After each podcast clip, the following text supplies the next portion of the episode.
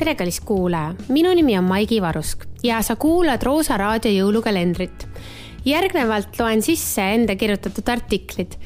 nii et mõnusat kuulamist, alustame. järgnev artikkel ilmus kahekümne neljandal septembril aastal kaks tuhat kakskümmend üks. päästke saksa keel igaüks teab või on ise see eelmise sajandi laps, kes sai saksa keele selgeks tänu toredale lapsehoidjale, telerile. maailma kõige odavam babysitter õpetas keele selgeks reeglite ja grammatika õpetamiseta minagi olen üks nendest õnnelikest, kes omandas keele põhiteadmised juba varakult, lihtsalt niisama, nagu öeldakse.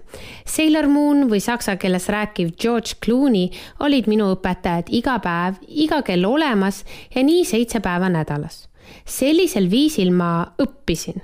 nimetagem seda tegelikult svammimiseks, sest laps on nagu väike svamm, kes imab kõik endasse Svammides ei saanud selgeks mitte ainult sõnavara, vaid tekkis arusaam kultuurist, mitmetähenduslikest sõnadest ja kõnekeelest, milleni koolipingis õppija üldjuhul kunagi ei jõua.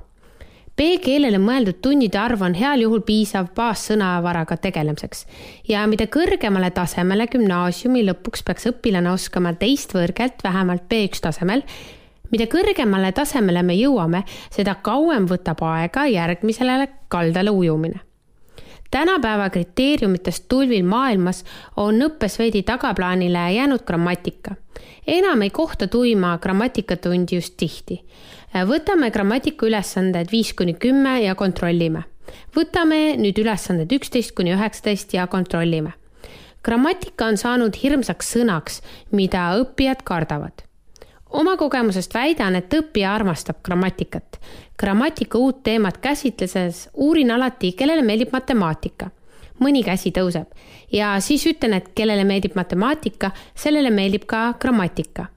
keelematemaatika ehk grammatika on täis loogilisi süsteeme, reegleid, tuletisi ja kõike muud, mida telekas meile ei andnud, kuid mille me sünteesides ja kõhutundele toetudes koolipingiks selgeks saime Saksa keele grammatika on ilus ning täis värve ja süsteeme, mis teevad isegi matemaatikale silmad ette.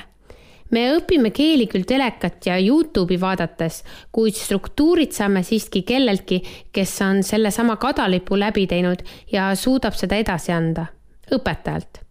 nüüd aga üks mõistujutt. Mari ja Jüri on ühe pere lapsed, mõlemad targad, tublid ja igati akadeemilised kui sa vaatad neid kõrvuti, näed neis üksteist ja saad aru, kuidas nad koos toimivad. ema otsustab aga ühel päeval, et alates tänasest saab Jüri rohkem süüa kui Mari.